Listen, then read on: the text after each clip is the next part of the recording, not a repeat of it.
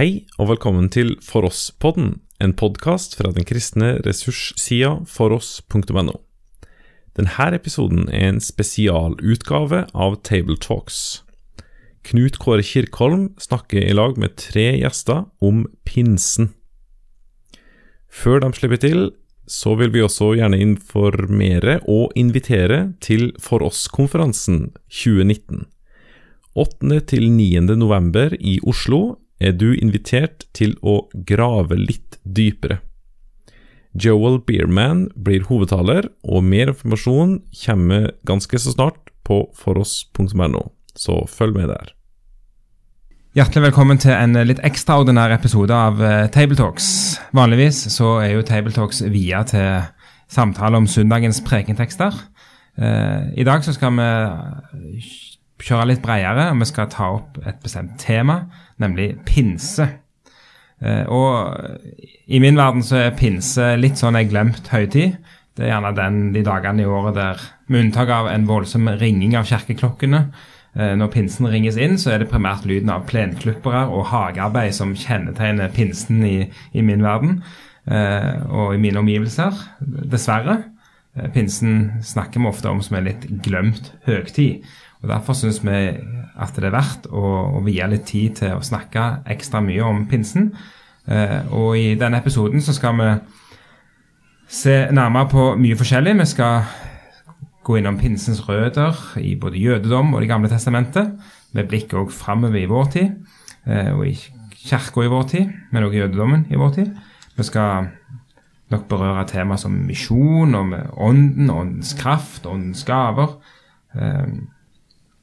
Så det blir en ganske variert og mangfoldig eh, episode, og, og vi skal prøve å få beveget oss innom disse ulike temaene.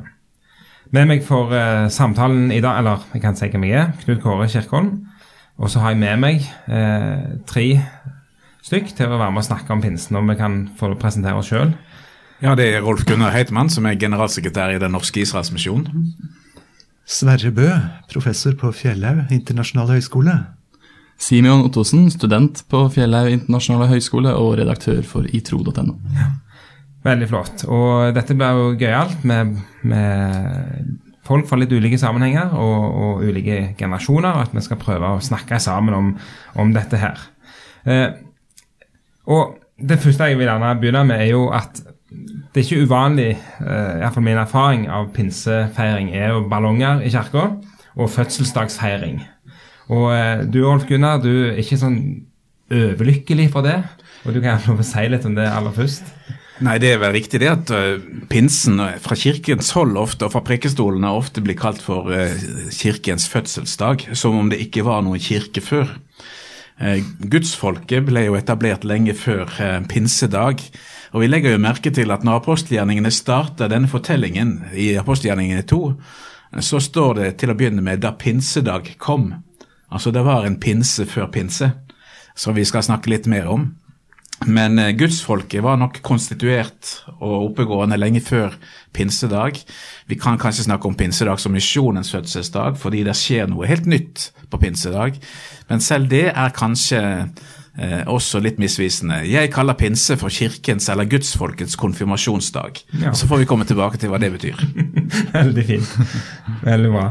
Eh, og Vi kan gjerne begynne da med, med nettopp disse rødene. Eh, jeg tenker Det er en, en fin plass å, å, starte. Altså Det er jo apostelgjerningene to og fortellingen som, som, jo er ofte det vi, leser og, preger over og sånt på pinse. Men, men, la oss ta steget bak og begynne i Det gamle testamentet. Eh, og Vi kan jo begynne med altså, hva type fest var pinsen uh, i Det gamle testamentet. Og um, det kan noen får svare på? ja, det har i hvert fall en direkte rot i landbruket, i årstidene, eh, med kornhøst. Man hadde begynt å kunne høste inn noe. Og det ble markert ganske tydelig med at den bar fram for Herren av det Herren hadde skjenket gjennom det som grodde i jorden. Så Som så mange andre fester så har det også en viss tilknytning til årstidene og til landbruket, og da med preg av en takk, noe som Gud påla og inviterte til å komme fram for hans åsyn, i glede og takk over akkurat det. Og det kan vi jo kanskje av og til trenge å minne hverandre på også i vår tid, hvor alt det Gud gir oss i vår og sommer og vekst, blir litt selvfølgelig, og et eller annet sted på kloden er det sikkert vår alltid. Eh, jo, men vi la oss stanse opp og takke Gud for den gode gaven det er. Så det er i hvert fall én side Mosebøkene legger litt vekt på. Det, det tror jeg er riktig. Og så er det også viktig tror jeg, å se pinsen eh, i en bibelsk sammenheng i eh, perspektivet med de andre store høytidene. Det var jo tre store høytider som var omtalt i Det gamle testamentet. Det var påske, det var pinse, og det var det vi kaller for løvhyttefesten. Og alle disse tre høytidene jo, er jo konsentrert rundt en tidsperiode på mange måter på 40 år. Altså Israels utgang fra Egypt, vandring gjennom ørkenen og hjemkomst til landet. Så hele teologien i Det gamle testamentet er på mange måter bygd opp rundt disse 40 årene og det som skjedde. Påske, utgangen, befrielsen, eh, løvhyttefesten, vandringen om hvordan Gud var nær folket sitt. Og hva med pinse? Jo, da Gud samler folket ved fjellet for å si at han vil være deres Gud, og de skal være hans folk. Da loven ble gitt. hmm. Så Sinai er òg en viktig link her. eh, rett og slett. det er en link fra Sinai til Sion. Eh, Sion der eh, det pinseunder vi leser om i apostelgjerningene, skjedde. Mm, ikke sant? Mm, godt poeng. Ja. Eh, og og eh, det passer jo til og med med, med tenker på disse her tidsangivelsene som også ble gitt. altså I, i GT så har du jo i festkalenderen som vi leser både i, i både andre, tredje, fjerde og femte Mosebok, er det jo festkalenderavsnitt. Så er et, gjøres det jo et poeng av at det skal telles sju uker, er det vel, fra, fra de har feiret påske og båret fram det første kornbånd de har svingt for Herren, første grøten, så er det sju uker som de teller før pinsehøgtida. Og så er det jo tilsvarende med, med Sinai, at det, da er det jo på tremånedersdagen, står det der.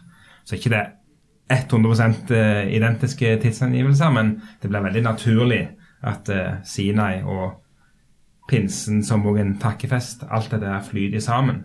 eh, Og rent sånn tidsmessig. Så det passer på alle måter. Ja, dette 40-tallet går jo igjen. ikke sant? Eh, 40 år gjennom ørkenen. Det var 40 år etter påskeutgangen så markerer en da lovgivningen også i den jødiske og kristne tradisjonen også. Ehm, en annen ting som jeg bare vil lufte fram, om dere har reflektert over, ehm, så jeg synes det er litt spennende, det er jo at det, det er en sånn svingeseremoni eh, første arbeidsdag etter påskesabbaten eh, med førstegrøten. Og denne spennende linken til oppstandelsen og Jesus som vår førstegrøte.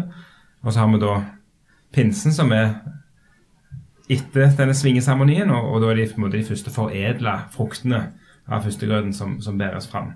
Og at ja, Vi ser liksom en sånn parallell her når vi kommer da til, til det som skjer med apostlene og disiplene og de kristne på pinsedag. At eh, de begynner virkelig å få smake på dette nye eh, på en helt ny måte. Eh, det som Jesus allerede har vist de litt av. Jeg vil gjerne bekrefte akkurat det, og så har jeg lyst til å skyte inn en liten kommentar om at det hender av og til at noen som kjenner Bibelen veldig godt, de finner enda noen spennende nye paralleller eller bakgrunner som ingen har hørt før, men som er veldig oppbyggelige, og som kan gi en ganske god mening. Eh, Når jeg møter sånn, så tenker jeg litt med meg selv at eh, hvor er grensen mellom litt for stor fantasi og å faktisk se noe Skriften gjør et poeng av? Og vi har jo et Nyttestamente som over 350 sider plukker fram fra GT så mange forbilder og linjer og linker at der har vi rikelig øse av. Og der kommer dette med Jesus som førstegrøden og, og den første frukt inn som noe som Bibelen selv lærer oss å se. Men jeg minnes en gammel replikk som Sigurd Odland skal ha skrevet i en bokmelding da han fikk eh, en sånn litt for fantasifull utlegning av Moseloven å lese. Han sa at da Gud i himmelen fikk denne bok å lese, da tenkte han nok med seg selv at dette har jeg aldri tenkt på før. Stemmer. Det er jo ganske spydig sagt, men altså en viss varsomhet. En viss varsomhet med paralleller. Mm. Simon? Ja, for jeg tenker Eller på denne linken mellom at jødene feiret eh, lovgivningen ved Sinai, og eh, pinseunderet i apostlenes eh, gjerninger 2. Altså, i, i forbindelse med den lovgivningen så er jo Gud veldig nær israelsfolket, åpenbarer seg for israelsfolket. samtidig er det noe paradoksalt ved det. For folket kan ikke komme opp til Gud på fjellet, det er det bare Moses som får lov til å gjøre. Så Gud er samtidig nær og samtidig fjern på en gang. Mens her vil jeg tenke at ok, i dette underet så kommer jo Gud nær til alle som tror. Alle får Den hellige ånd. Er det, er det liksom en, en solid nok eksegese? Det tror jeg det er, for, for, og det illustrerer jo også sammenhengen mellom påske og pinse. Altså de, de kan ikke holdes fra hverandre. Jesu oppstandelse er jo Guds nærvær eh, med oss, og så sender han Ånden eh, som forklarer ting for oss. Så det er helt klart at vi må se den sammenhengen, og, og det nærværet, den hellighet som omgir Gud, som vi leser om i Det gamle testamentet, den er jo på en måte brutt både ved at eh, forhenget i tempelet revnet, altså vi har adgang til Guds trone, eh, og Ånden som nå forklarer dette for oss. Så det er viktig å se hele denne historien i sammenheng, tror jeg. Adgang tillatt for uvedkommende. Eller sagt med brevbrevet, la oss derfor med frimodighet tre like fram for nådens trone. Tråkke rett inn. Det er liksom helt på tvers av alle stengslene i Det gamle testamentet som skiller synderen fra den hellige. Så her er det noe helt gjennombrudd nytt. Så har vi jo noen spennende profetier om, om loven som skal skrives på hjertene i den nye pakt. Så der er jo, og det er også noe hebreerbrevet siterer, så, så den parallellen den eh, tror jeg er verdifull å, å ha med seg i, i Ja, for det lurer jeg også på, med tanke på at Jesus innstifter nattverden, og så sier han at dette er den nye pakt i mitt blod. Hvor uh, mye hadde disiplene dette i bakhodet når de skulle feire den gamle pakt som ble gitt på Sinai-fjellet? Jeg syns det er interessant, for jeg er litt overrasket over at eh, det henvises til Joel-profetien på pinsedag i Peters tale. Hvorfor henter han frem den, om den fornyelse, og ikke f.eks. Jeremia 31 om, eh, om loven som skal skrives i våre hjerter? Eh, hadde jeg vært Peter, ville jeg heller ha talt over det. ja. Godt poeng. Eh, og så eh, kan vi jo ta med oss Vi kan plukke opp enda en, en eh, Nå har vi jo plukket opp altså eh, førstegrøtefesten og liksom, pinsen som man er foreskrevet i, i, eh, i Israels lover. Og så har vi jo den her eh, Sinai-parallellen. Og så er det jo en parallell til som vi kan ta med oss fra GT, og det er jo språkunderet som reverserer forvirringen i, fra Babel. Um, og, og at pinsen eh, og Her kan vi gjerne bare hive fram det problemstillingen Er det tungetallet som foregår på pinse? Er det noe annet? Det er jo en ting som jeg, opplever ofte det er litt uklarhet rundt i Jeg tror det er lurt å bruke uttrykket språkunder. Eh, tunger liksom av vill satte seg på hver av dem.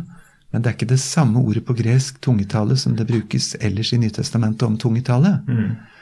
Men la oss endelig få med oss dette reverseringen av språkforvirringen i Babel. Det er altså første Mosebok 11, hvor menneskene vil bygge et tårn like opp til himmelen som et minnesmerke over sin egen fortreffelighet og dugelighet. Og så går Gud ned og forvirrer språkene som en straff, med den følge at de spres og blir fremmede for hverandre.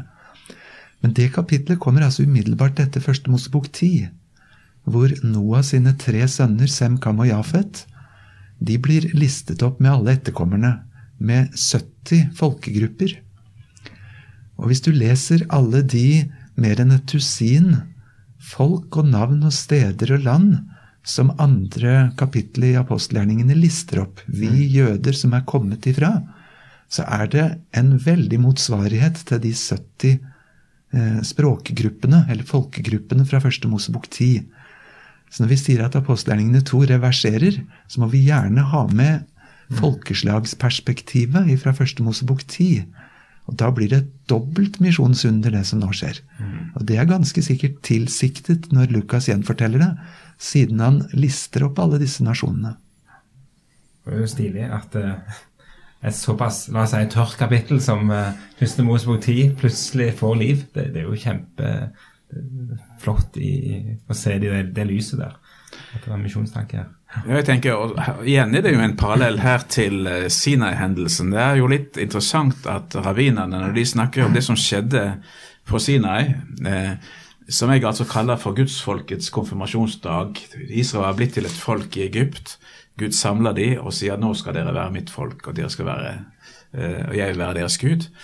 Eh, så, så sier rabbinerne at loven ble gitt i form av 70 ildtunger som satte seg på fjellet. Eh, dette er ikke noe bibelsk utsagn, men det er en tolkning i den rabbinske tradisjon som jo er interessant, også med bakgrunn på eh, både Babelfortellingen og de folkeslagene, men også det som skjer på pinsedag. Det er veldig mange paralleller som skjer, eh, også i det ytre. Gud manifesterer seg ofte gjennom ytre ting. De store åpenbaringene skjer på et fjell. Der lyder en hornlåt, der er jordskjelv, vinden som bruser. Alle disse tingene går igjen i disse to fortellingene som forteller at nå skjer det noe parallelt og noe viktig. Der Gud på en måte samler sitt folk, der han ikke bare samler sitt folk, men der han inviterer folkeslagene med. Og det er riktig at der, der er nevnt jøder som kommer fra ulike deler fra diasporaen til Jerusalem, slik de er blitt bedt om.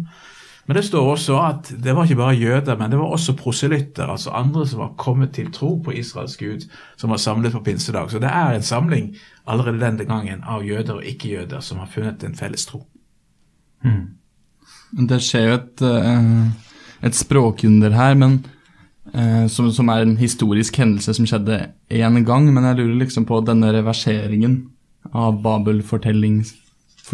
Hvor, eh, hvor, mye har den å si for oss i dag? For vi opplever jo ikke at alle snakker samme språk. At Ja, vi gjør jo egentlig ikke det.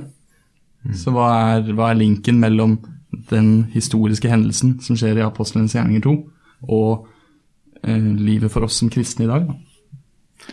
Kanskje kan vi like gjerne tale om et høreunder som et taleunder på pinsedag. Mm. For hvis det var mange tusen mennesker samlet, og alle hørte de tale på sitt eget språk, så måtte det ta lang tid. De hørte det på sitt eget språk. Så det kan godt hende det var et like stort høreunder som et taleunder. Eh, og jeg tenker Det er det som er poenget her, at nå har vi fått et budskap som alle kan ta imot og høre og lytte til. Det er felles for oss Vi inviteres inn i et felles folk. Og så er det noe på dette punktet som på så mange andre, at vi kommer ikke til noe annet enn en kapitulasjon som på teologenes språk heter 'allerede, ennå ikke'. Mm. Også pinsen, kraften som kom, eh, har et sånt foregripende himmelfest over seg. Frelsen er virkelig kommet, Guds rike er kommet nær. Men så er det fremdeles et ennå ikke. Eh, det er ikke alt som fortsetter i kirken på samme måten som Gud gjorde det ved denne anledning. Vi tvinges tilbake igjen under de vilkårene som forgjengelighet og synd eh, drar med seg enn så lenge. Og Dess lenger jeg lever som teolog, dess mer frustrert blir jeg over å måtte skrive det på konto av allerede ennå ikke. Eh, du stryker Exville eh, med den type logikk, men, men det, er, det, er, slik det er. Og fortvilelsen over at verken Kirken eller vi som enkeltmennesker får liksom alle deler her og nå, himmelen på forskudd, den forsterker seg, syns jeg, som livet går fram. Men en lengsel etter at dette skal være helt uten dette her forbeholdet med ennå ikke. Mm. En annen ting som jeg eh, eh, tenker litt på med pinse og jødedommen det kunne vært, altså, Jødene leser Ruths bok, fortalte du eh, om Gunnar. og Det er jo litt artig at de leser Ruths bok, eh, for der skjer det jo nettopp noe av, av denne en moabitt skal ikke ha adgang til Guds menighet, er jo sagt ganske hardt og tydelig i loven. Og så mm. fikk jo det. Ja. Og så leser de den på pinse. Men, men, de tenker gjerne ikke så mye på det. Nei, jeg tenker også Vi i vår kristne sammenheng vi har ofte et problem med å liksom se sammenhengen mellom utvelgelsen av Israel, det jødiske folks historie, og oss selv som en del av gudsfolket. Vi skiller ofte mellom Israel og kirken på en måte som jeg tror kan være usunn, men jeg tror nettopp denne pinsefesten hjelper oss til å se at her er det en sammenheng. Det er ikke to folk som på en måte er, lever side om side, men det er ett folk der vi andre har fått adgang og tilgang til å være med i og inkluderes i. Og Ruth sier at hun identifiserer seg da med sin eh, svigermor og sin eh, familie og sier 'ditt folk er mitt folk'. Din Gud er min Gud. Hmm. Nå har det skjedd noe nytt. Og dette perspektivet ligger jo i hele Israels selvforståelse av at de også skal være en tjener for folkene. Hmm. Og være som utvalgt folk, har de en oppdrag. Abrahams velsignelse gjelder alle folkeslag. Og Det er interessant at Peter i sin tale ikke nettopp henviser til det siste delen av løftet til Abraham når han skal forklare hva som skjer. I, det, i Abraham skal alle folk velsignes. Jeg har hatt den glede i tre måneder å sitte og jobbe med bare én ting. Og prøve å skrive en bok om Bibelens samlede misjonsbudskap. Jeg er ikke ferdig, og jeg har fått jobbe litt med det før. Men det slår meg kjempesterkt hvordan dette er forberedt og henger sammen. De viktigste misjonsversene i Det nye testamentet de er egentlig sitater fra GT som får noen veldig viktige tillegg. F.eks. når de kommer til Sinai på tremånedersdagen, og de får loven, så utroper Gud denne gjengen av to millioner støvete, rømte slaver og sier 'kongelig presteskap'. Men så finner du ingen jobbeskrivelse. Hva er jobben til dem som får den gaven? Hva er oppgaven som følger med gaven? Skal de konge litt og preste litt? Hva, hva gjør du da? Og hvem gjør du det for? Og så må du faktisk bla 1000 sider i Bibelen før du får forklaringen på hvordan de skal konge og preste. Og det får du i 1. Peter 2, for der siteres dette med et kjempetydelig tillegg. Eh, dere er et utvalgt folk, et kongelig presteskap, for at dere skal forkynne Hans dyder, som kalte dere fra mørket til sitt underfulle lys. Der, tusen sider senere og mer enn tusen år senere, så får du en tydelig innholdsbestemmelse. Du skal reise rundt og fortelle mennesker om Han som kan ta oss ifra mørket til sitt underfulle lys. Ikke det at dette var en ukjent historie i Det gamle testamentet, men den er ikke utfoldet så tydelig. Og det samme med pinsefesten, samme med Ruths bok. Alle disse forbildene som drar fram mot noe. Du må finne fasiten i NT for å se helheten, og hva betyr det da virkelig? Det er for så vidt riktig, men samtidig så tror jeg det er viktig også å understreke at, eh, at misjons, som du også sier, Sverre, misjonsdimensjonen ligger der hele tiden innebygd i selve det å være Guds utvalgte folk, Guds eiendomsfolk. Eh, Jesaja 49 f.eks., der Israels oppgave eh, beskrives som, som det å gjenreise, det å samle Jakob og gjenreise Israel, men også være et lys for folkeslagene, så Guds frelse kan nå til jordens ende. Det er jo det som ligger også i, i, i eh, når Peter taler om å være et, et utvalgt folk. Og Samtidig taler Peter til en litt annen gruppe enn til jøder, sannsynligvis. Sånn at dette gjelder oss alle. Ved at vi er blitt en del av dette gudsfolket på pinsedag, så har vi altså også fått del i utvelgelsens kalde oppdrag om å forkynne til jordens ender. Og for jøder først, som, eh, som også Paulus er inne på. Jeg lurer litt på når jeg leser den teksten om hvor mye disiplene faktisk hadde forstått av hva Jesus hadde sagt til dem, og da de fikk Den hellige ånd. For de spør jo eh, på Kristi himmelfart, er det vel, eh, om når tiden skal komme for Israels gjenreisning. Eh, og hva, og da, da tyder jo på at det mangler en viss forståelse eh, av eh, misjon til alle. da. Og så gir jo egentlig Jesus dem løsninga og fasiten. Jo, dere skal få Den hellige ånd, og det skal ut til verdens ende. Og så får de Den hellige ånd i kapittelet etterpå. Men så skjer det jo ikke noe. De blir jo boende i Jerusalem i evigheter. Det er først når Stefanus dør at de eh, blir spredt, og da, det er fordi de blir forfulgt. Så ja, når jeg leser den teksten, så lurer jeg på hvor mye hadde disiplene egentlig forstått av hva Jesus sa? Det det er et godt poeng. for jeg, jeg tror at eh, Hvis vi leser videre i apostelgjerningene, så ser vi også at det er ting som utvikler seg. Og jeg tenker på dette møtet de hadde, et stridsmøte som de hadde ca. 15 år seinere, når, eh, eh, når de begynner å diskutere ja, hva med disse hedningene som kommer til tro, hvordan skal vi forholde oss til det? Må de bli jøder for at de skal bli en riktig del av gudsfolket? Og Da er det jo Jakob som menighetsleder i Jerusalem henviser til, til Peter, som jo var jødenes apostel, så sier Simon, han bruker det jødiske navnet på han, han har jo forklart oss hvordan Gud for lenge siden sørget for å vinne seg et folk av hedninger. Da ser de liksom tilbake. Jo, dette har jo vært en del av historien hele veien. Og Så kan vi spørre ja, hva er for lenge siden? Er det Peters møte med Kornelius? Er det det som skjer på pinsedag, kanskje? Eller går han enda lenger tilbake? Ja, sannsynligvis fordi det er profetier fra Amos og Isaiah som hentes frem som begrunnelse for at planen var at også hedningene skulle være med. Misjonen var viktig. Men de hadde jo åpenbart problemer med å fatte rekkevidden av dette mandag etter pinsefest. Og de fortsatte å ha problemer med det, så Gud måtte jo dra dem baklengs til Samaria, til Kornelius, og hvor det var. Og når Peter har vært hos Kornelius og gått inn i huset til en uomskåret, en offiser for okkupasjonsmakten i deres hovedstad Cesarea, militær hovedstad, eh, så blir han kalt inn på teppet av medaposter og de andre i Jerusalem. Hva er det du har gjort? Og så må han fortelle historien om hva Gud har gjort, og hvordan han ble slept baklengs opp i dette og står på en talerstol og sier er det noen som vet hvorfor jeg står her? Eh, Og når han står og reflekterer på det, så begynner han å fortelle om Jesus, og så faller Den hellige ånd på dem. Og så vet han det er sammenheng mellom ånd og dåp, så han døper dem. Men hva er det du har gjort, Peter? Og så forteller han det, og så står det så lakonisk i apostelgjerningen 11. Da de hørte det, slo de seg til ro og sa ja, ja, så har da Gud også gitt hedningene del i frelsen. Men de forkynte ikke ordet for andre enn jøder. Ok, praise the Lord, greit nok. Og så ned i stresslessen, og der sitter de. Men så fortsetter teksten og sier, men noen av dem eh, som kommer ifra litt ute i periferien, de begynte å vitne litt her og litt i Antiokia, og så begynner det å skje ting. Og så går det enda år før dette apostelmøtet, så hvor trege de var til å fatte det, som du sier, Simon.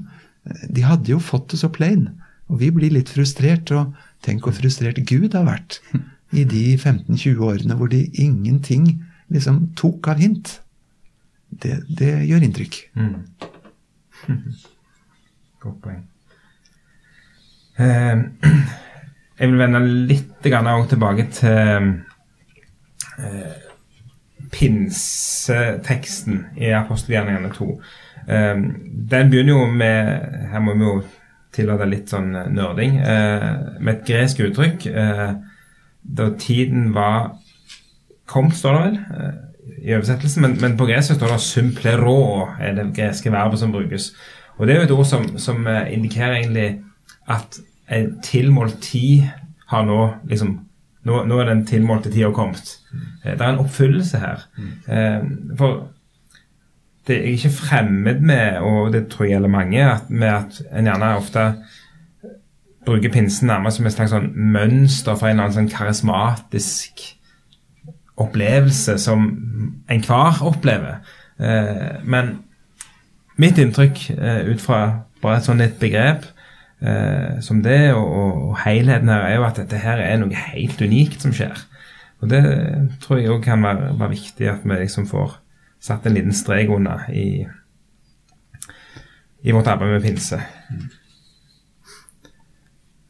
Og så er det en annen ting som, som jeg òg eh, tror vi skal gjerne si litt om. Eh, det er rett og slett eh, ånden. Eh, siden vi først var innom dette her med en karismatisk hendelse. Eh, ånden kommer. Det er en engangshendelse. Jeg tror det er viktig at vi får eh, understreket det. Eh, men det skjer noe nytt. Det er en kraftdimensjon. Det er, der er ånden og Gud virker på en ny måte. Vi har allerede vært innom det, men kan vi liksom brodere litt mer ut på, på, på de momentene? Det som handler om, om åndens gjerning i, i, i, i den troende og i Guds menighet. Ja, det syns jeg virkelig vi skal. Uh, Villfarelsen er så stor at jeg har til og med hørt folk si at pinsen er Den hellige ånds fødselsdag. Yes. uh, og det blir jo rene kjetteriet. Godt ment, men altså Det skjer noe mellom ånden og Guds folk ved at han kommer så nær. Han kommer til alt sitt folk, og han tar bolig. Og vi er i ånden, og ånden er i oss. Og det synlige resultatet er jo den frimodigheten som f.eks. da Peter og de andre disiplene står framme. På akkurat samme sted, samme tempelplass, der de hadde stått og fornektet i tur og orden og feigt stikket av, overfor de samme menneskene bare en par måneder etterpå, så står de frimodig fram og assosierer seg med Jesus med all mulig risiko. Og bare noen dager i forveien så hadde hele disippelflokken vært ute av stand til å overtale den ene Thomas om at Jesus var stått opp igjen. Og nå kan den ene Peter plutselig føre 3000 til tro, så de har klart å bli døpt. Eh, Så det er jo en vanvittig eksplosjon av frimodighet og kraft ifra det høye som Gud gir. Jeg tror det er to grøfter som vi kan falle i når det gjelder hvordan vi tenker rundt dette med pinsen og åndens komme. Den ene grøften er jo at eh, ja, dette, det, det skjer jo ikke noen forandring. Altså alt er som før. Men dette pinsedag betyr en forandring i våre liv. Fordi vi har fått uh, denne ånden skrevet i våre hjerter. Det er ikke, det er ikke snakk bare om steintavler lenger. Men det er noe vi har fått som vi skal leve i og leve ut. Uh, den andre grøften er jo at fordi, som sier jo at fordi vi har fått ånden, så er liksom alt fullkomment med oss. Det er også en type forkynnelse. Vi hører at nå er liksom Kristus i oss, så vi kan slippe å synde lenger. Går vi tilbake igjen til den jødiske tradisjonen, så sier de at det er to våkenetter i den jødiske tradisjonen. Det ene er å våke den natten Gud dødsengelen gikk gjennom Egypt. Da straffen kom, den natten skal vi være våkne og klar til oppbrudd. Den andre natten, det er eh, pinsenatt. Fordi de sier at da Gud ga oss loven på Sinai, da sovnet vi. Ja. Nå må vi gjøre godt, nå må vi være våkne. Så vi kan ta imot det Gud vil gi oss. Og jeg tenker Det er et veldig viktig poeng med pinse. Vi skal glede oss over åndens komme, vi skal juble oss over en ny frimodighet og kraft. Men samtidig så skal vi også være selvransakende og si nå må vi ikke sovne, nå må vi virkelig leve det livet vi er kalt til å leve, og som vi har fått i gave. Godt poeng. Mm.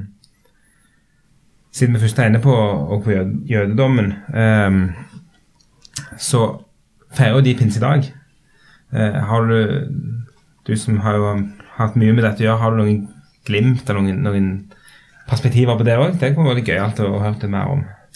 Ja, altså Det finnes jo mange anekdoter og, og eh, sånt rundt disse jødiske høytidene. Mange tradisjoner rundt det. Eh, noen er er mer artige enn andre. Eh, det er ofte mye lek og sånt. Eh, de, de hadde jo en tradisjon som sier at f.eks. at de skulle pynte synagogene sine med blomster under pinse. Fordi eh, Sinai-fjellet ble blomstrende etter at Gud hadde gitt loven. Eh, Men så var det noen rabbinere som fant ut at nei, det passer seg ikke helt. Fordi også de kristne pynter jo sine kirker med blomster, så vi må gjøre det på en litt annen måte, så vi ikke blir assosiert med kirken.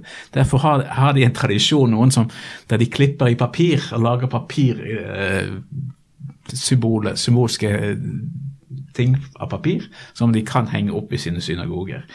Ellers er jo også pinsen i den jødiske tradisjonen en, en høytid der de ofte bruk, spiser melk og ikke kjøtt. Melk og ost. Kjøtt er jo festmåltid, men på pinsen spiser de da ikke det. Og Der finnes det ulike forklaringer til det. Det ene er at, eh, at eh, da loven ble gitt, så ble også renhetsforskriftene gitt, som forteller at du skal ikke blande kjøtt og melk. Eh, og fordi det kjøttet de hadde ikke var rent nok, så måtte de spise melkeprodukter. Men jeg syns det er en annen perspektiv på dette som er mer oppbyggelig kanskje fra vår side. Og det er jo det perspektivet på fremtid og løftet som ligger i pinsen, nemlig at de hadde fått høre og se gjennom speiderne at Israel er landet som flyter av melk og honning. Og nå, Derfor vil de forberede seg å spise melkeprodukter til det landet de kommer til. Jeg tenker Det er også viktig når vi lever i pinsetiden, som vi gjør, at vi lever i et, med et fremtidshåp at vi har fått en forsmak på det som en gang skal komme, med den kraft og den, det nærværet av Gud som Ånden representerer. Ja, og det er jo kanskje også litt artig nettopp i lys av at uh, det var jo de første Altså, det var en høytid der innhøstingen var kommet i, inn, og, og, og pinsen ble måte sånn det første der du for første gang får nyte årets høst, ikke sant, eh, skikkelig. Og på den måten at det er en, en forsmak på, på alle godene som nå skal ligge, ligge i vente. At ånden flytter inn, Gud kommer nær på en ny måte, og det er en forsmak på, på, på, det, på det store. Og jeg tenkte på den linken du snakket om at Sinai flyttes til, til Sion, og så kan vi gjerne si at det, og Sion flyttes jammen meg vel inn i hjertene Ja. eh, til Guds folk, og, og vi blir som, som troende og som menighet, så blir vi hans tempel, og så har vi liksom alt dette i, i, oss, da. Det er jo en annen tradisjon som eh, også en del eh, bruker eh, eh, i forbindelse med, med, med pinse. Eh, de bruker ofte symbolikk fra ekteskapet Både i lyrikk og også i liturgiske formler når de, har, når de feirer pinse, for å illustrere forholdet mellom Gud og hans folk. Og jeg tenker denne, denne, Dette er jo noe vi også kjenner igjen fra nytestamentlig språkbruk, ikke sant, om Kristus som menighetens brud. Eh, så Kristus som brudgom og vi som, menighet, som hans brudgom. Brud, unnskyld. Det går litt i surr. Det er ikke noe kjønnsforvirring heller, men ja, dette med foren, foreningen av Gud og hans folk som et viktig poeng. Om ikke vi tar bildet så langt som til uh, ekteskap og erotikk, så er det i hvert fall noe med å være venner. Mm. Altså Det er en hel retning av kristenheten som har fått et veldig morsomt ja. navn. eh, pinsevenner. Ja. Jeg vet ikke om man har prøvd å oversette til engelsk. Pentecost friend. altså, jeg har jo virkelig ikke lyst til å være en påskeuvenn. Mm. Eh, ikke en pinseuvenn. Ikke en juleuvenn. Eh, men samtidig så er det et veldig morsomt merkelapp å sette på noen. Fordi det er noen som på en særlig måte løfter pinsen fram som et kjennetegn. Og nå må vi være voksne nok til at vi også kan si at store deler av gjennom 2000 års historie, og for meg med NLM-bakgrunn mer enn 100 år, så har vi ofte forsømt ting som kobler seg til pinsen og åndens gaver, og som Bibelen taler klart om. Gud gir gode gaver, og selv om noen har gjort det til noe veldig stort, så må ikke vi gå i den motsatte grøfta og forsømme å snakke om det Bibelen snakker om. Så jeg vil gjerne være en både påskevenn og julevenn og en pinsevenn, i den mening at jeg mer enn gjerne søker etter de åndelige gaver, og erkjenner at det ofte er tørt i mitt eget liv, kanskje i forsamlingene våre, og at vi får lov til å be, kanskje både alene og sammen, konkret, om det er gaver Gud ville gi, ikke for at vi skal nyte dem, men som vi kunne bruke til hans ære og til gagn for medmennesker og hans kirke. Ehm, jeg vet ikke, Simon, du er litt yngre enn oss. Disse merkelappene med pinsevenn og lutheraner og sånn, de henger ikke like tykt utapå som før. Men uh, hender det at ungdom spør? Du er redaktør i Tro, f.eks. Hender det dere får spørsmål om helbredelser, tungetaler, prøveånder og slikt? Ja, vi får ganske mye spørsmål om sånne ting. Og er det noe jeg merker fra min egen generasjon, og for de som kanskje er åtte-ni år yngre, så er det jo det at uh, det er ganske stor konfusjonsforvirring. Folk er ikke bevisst på at de er lutheraner eller egentlig pinsevenner. Eh, et eksempel på det er jo når eh, studenter kommer til byen, eh, til Oslo, og så skal de finne seg en menighet å gå til. Så er det jo mange som er på det som de kaller for menighetsshopping. Der du drar rundt i forskjellige menigheter og ser etter en menighet som kan tilfredsstille dine behov. Og nå høres jo det altså Man hører kanskje på måten jeg sier det på, at det er en kritikkverdig måte å søke menighet på. Eller å finne sin menighet. Men det er et eller annet av det som ikke er så sunt, tror jeg. Eh, for da blir fokuset mer på hva, hva jeg kan få i en menighet, og ikke på hva jeg kan gjøre i en menighet for mine brødre og søstre i troen. Eh, og kanskje er konfesjonsforvirringa noe av årsaken til at det blir en sånn konsumentkultur. Da. Det kan hende. Det var vel pinsepastoren eh, Egil Svartdal som på et fellesmøte en gang ble presentert av den lutherske presten som eh, søskenbarn i troen. Og Da responderte han med å si jaså, Gud er min far, så da må han være din onkel. eh, det er jo noe med denne enheten som ånden skaper, som er viktig for oss å holde fast ved, selv om vi kan være uenige på en mm. del mm. punkt. Eh, så er det viktig, tenker jeg, at vi ser forbi eh, uenighet når vi snakker om Guds menighet. Uten å bagatellisere det vi er uenige om. Sånn er det på denne jorden. Jeg vokste opp med en sånn eh, tenåringstanke at vi er ikke så veldig spesialister, akkurat vi, på ånden og åndens gaver. Vi pusler litt med synd og nåde bort hos oss. Der har jeg nok kommet til en helt annen frimodighet. Det finnes ingen motsetning mellom det å leve i synd, nåde, som selve liksom spørsmålsstillingen. Og så det å stille seg åpen for at Gud bringer disse synd, nåde, virkelighetene inn i livet mitt. Gjennom tunger, gjennom profetiske budskap, eh, gjennom det skrevne ord. Det er jo det skrevne ord alt må prøves imot. Men hvis Gud vil gjøre bruk av kanaler, som jeg var i første omgang litt uvant med, så er det jeg som har en liten lekse å lære om det. Jeg tenker det at det, det viktig Ånden handler om vekst, og det handler om utrustning.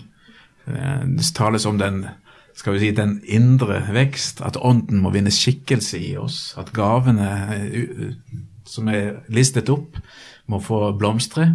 eh, At vi må vokse i troen. Men så er det også dette med å være utrustet til tjeneste. Og Da er det både de enkelte oppgavene som ånden deler ut, men også den utrustning vi trenger for den tjenesten vi er satt til.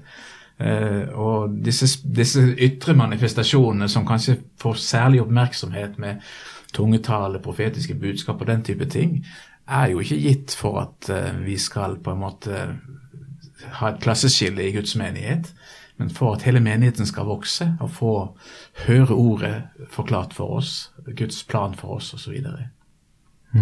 Så tror jeg også at eh, vi kan lære av Eller dere kan lære av oss unge i dag ved at eh, vi kanskje er vokst opp eh, en tid der hvor kristendommen ble mer pressa fra eh, det sekulære Norge og fra andre religioner, rett og slett. Og at vi derfor ofte klarer å eh, se på andre kristne som brødre og søstre i troa. da. Eh, mens tidligere så har det kanskje vært eh, ja, eh, flere kristne, og da er det også lettere å henge seg opp i små stridsspørsmål. Eh, Så det, det kan være en fin ting å ja, som, som tilhører min generasjon. Da. At vi i større grad klarer å se forbi sånne ting, fordi man blir pressa. Da er det viktigere å fokusere på det som er kjernen i troen, og det er Jesus Kristus. Vi beveger oss forbi bås, båstenkningen, med andre ord. Mm. Vi nærmer oss rett og slett eh, slutten, eh, hardt og brutalt. Pinse eh, Jeg håper jo at denne her samtalen eh, kan være med å inspirere eh, til å la pleieklipperen stå, og, og bevege seg inn i et gudshus og feire pinse. Det er jo det vi ønsker, at pinsen skal feires. Og en naturlig måte å feire pinse på er jo å holde gudstjeneste og forkynne. Og jeg vil gjerne tenke jeg kan slutte litt rundt det. Altså, hva ligger den enkelte særlig på hjertet å ville si? Eh, ikke bare fra en talerstol, men sånn, som en sånn oppmuntring når det gjelder pinse, og hva, hva skal vi ta med oss inn i pinsen? Ja, jeg tenker det ligger i ordet pinse. Eh, det er en høytid som du sa, som er vanskelig liksom å få helt grepet på. Men hvis vi bruker bokstavene P, det er den nye pakts fest, der Gud sier at han vil være hos oss, og at han vil at vi skal være hos han. Han knytter oss til seg. Så er det de tre neste bokstavene ins, som står for inspirasjon. Inspirasjon betyr jo å være beåndet. Inspiratio på latin. Det å få ånden blåst inn i oss, et nytt liv eh, som innebærer vekst, og som innebærer nærhet til Gud. Gud er oss nær, og vi er nær Han. Og så er det den en som jeg syns også er viktig, nemlig dette med at det har skapt en enhet i gudsfolket eh, som skal eh, tas vare på. Og Det innebærer også at misjonen står sentralt som en del av pinsens fest. Evangeliet må ut til alle. Ja, jeg tenker også at eh, vi bør feire pinse ganske kraftig, egentlig. Fordi vi skal ikke kimse av at eh, Gud har kommet nær med sin ånd, og at han lever i oss i dag. Det er ikke noe vi tenker på, for vi er vokst opp i en tid hvor det er, eh, det er helt vanlig. Men eh, sånn var det ikke før. På Sinai-fjellet så måtte så måtte israelittene vente i bunnen av fjellet og kunne ikke komme nær Gud. Men nå har Gud gjort det mulig, så han kommer nær til oss, og han lever i oss. Og det må vi være veldig takknemlige for. Hvis jeg skulle preke over dette, så ville jeg sagt noe om at Den hellige ånd han blåser ikke såpebobler. Han bygger med solide steiner. Og han bygger og bygger, og det skal vi gjøre. Vi skal bygge det huset, det tempelet, som hans hus virkelig er. Eh, Det er lett å henfalle til ballonger som du begynte med, Knut Kåre. Og, og det kan være et uttrykk for fest og glede.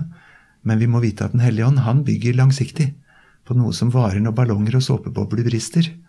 Eh, og det er noe så stort som at ikke dødsrikets porter skal få makten over det. Som skal stå der når alt annet faller. Så det gir en langsiktighet over pinsen. Veldig fint. Eh, Så med det så skal vi runde av. Og eh, håper jo til enhver av dere som lytter til vår samtale, at jeg håper at det har vært til nytte og til, til inspirasjon. Jeg håper dere hører at vi er glad i pinsen, og at vi, vi ønsker virkelig å, å løfte det fram som en viktig høytid. Og, og vil veldig gjerne eh, oppmuntre til å feire pinse skikkelig. Eh, gå til gudstjeneste, marker det, tenk på det, bruk tid i bønn, i tak takksigelse til Gud for, for, alt det store som han har gjort eh, i våre liv. Eh, ved å sende sin ånd eh, for liksom å krone eh, hele sitt verk disse her månedene fra påske til pinse, når, når Jesus først døde og, og senere ble ånden sendt. Så ta med dere det, og, og um, finn gjerne også fram på foross.no uh, ulike ressurser knytta til både ånden og til til, til pinsetekstene. Og Med det så takker vi for i dag. Du har nå hørt en spesialepisode av Tabletalks om pinsen. Knut Kåre Kilkholm, Simeon Ottosen, Rolf Gunnar Heitmann og Sverre Bø har deltatt. Finn flere ressurser, og vær gjerne med å støtte oss på foross.no.